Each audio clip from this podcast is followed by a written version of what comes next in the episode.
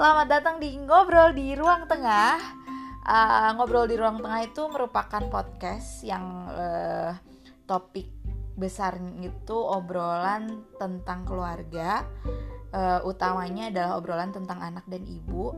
Kita di sini bakal ngediskusiin tema-tema keseharian yang sangat dekat dengan kejadian-kejadian uh, di keluarga yang akan melibatkan perspektif seorang ibu, seorang kakak, dan seorang adik. So, um, enjoy our podcast dan selamat mendengarkan.